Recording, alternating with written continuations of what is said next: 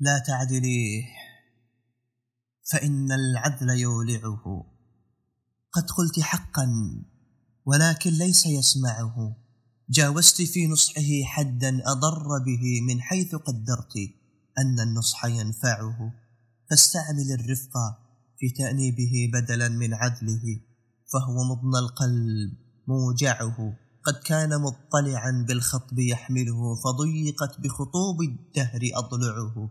يكفيه من لوعة التشتيت أن له من النوى كل يوم ما يروعه ما آب من سفر إلا وأزعجه رأي إلى سفر بالعزم يزمعه كأنما هو في حل ومرتحل موكل بقضاء الله يدرعه إذا الزمان أراه في الرحيل غنى ولو إلى السند أضحى وهو يزمعه تأبى المطامع إلا أن تجشمه للرزق كدا وكم ممن يودعه؟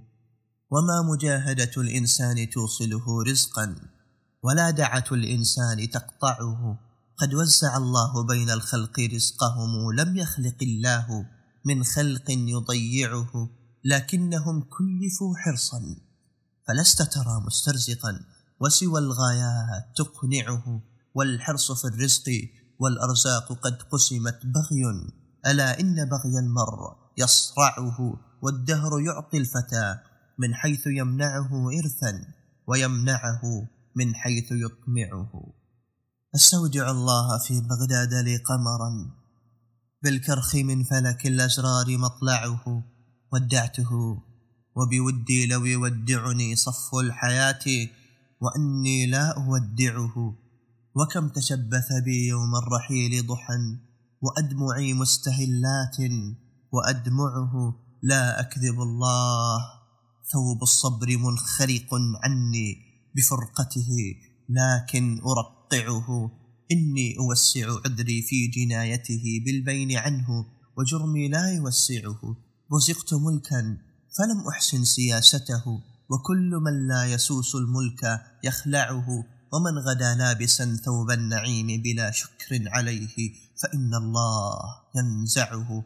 اعتضت من وجه خلي بعد فرقته. كأسا أجرع منها ما أجرعه. كم قائل لي ذقت البين. قلت له الذنب والله ذنبي لست أدفعه. ألا أقمت؟ فكان الرشد أجمعه. لو أنني يوم بان الرشد أتبعه. إني لأقطع أيامي. وأنفقها بحسرة منه في قلبي تقطعه بمن إذا هجع النوام بت له بلوعة منه. ليلي لست أهجعه. لا يطمئن لجنبي مضجع وكذا. لا يطمئن له مذ بنت مضجعه. ما كنت أحسب أن الدهر يفجعني به ولا أن بي الأيام تفجعه. حتى جرى البين فيما بيننا بيد عسراء.